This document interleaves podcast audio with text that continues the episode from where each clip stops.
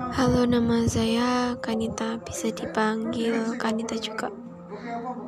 Dan saya memilih podcast biasanya untuk menceritakan apa yang uh, saya rasakan untuk menjadi motivasi orang lain supaya tetap semangat.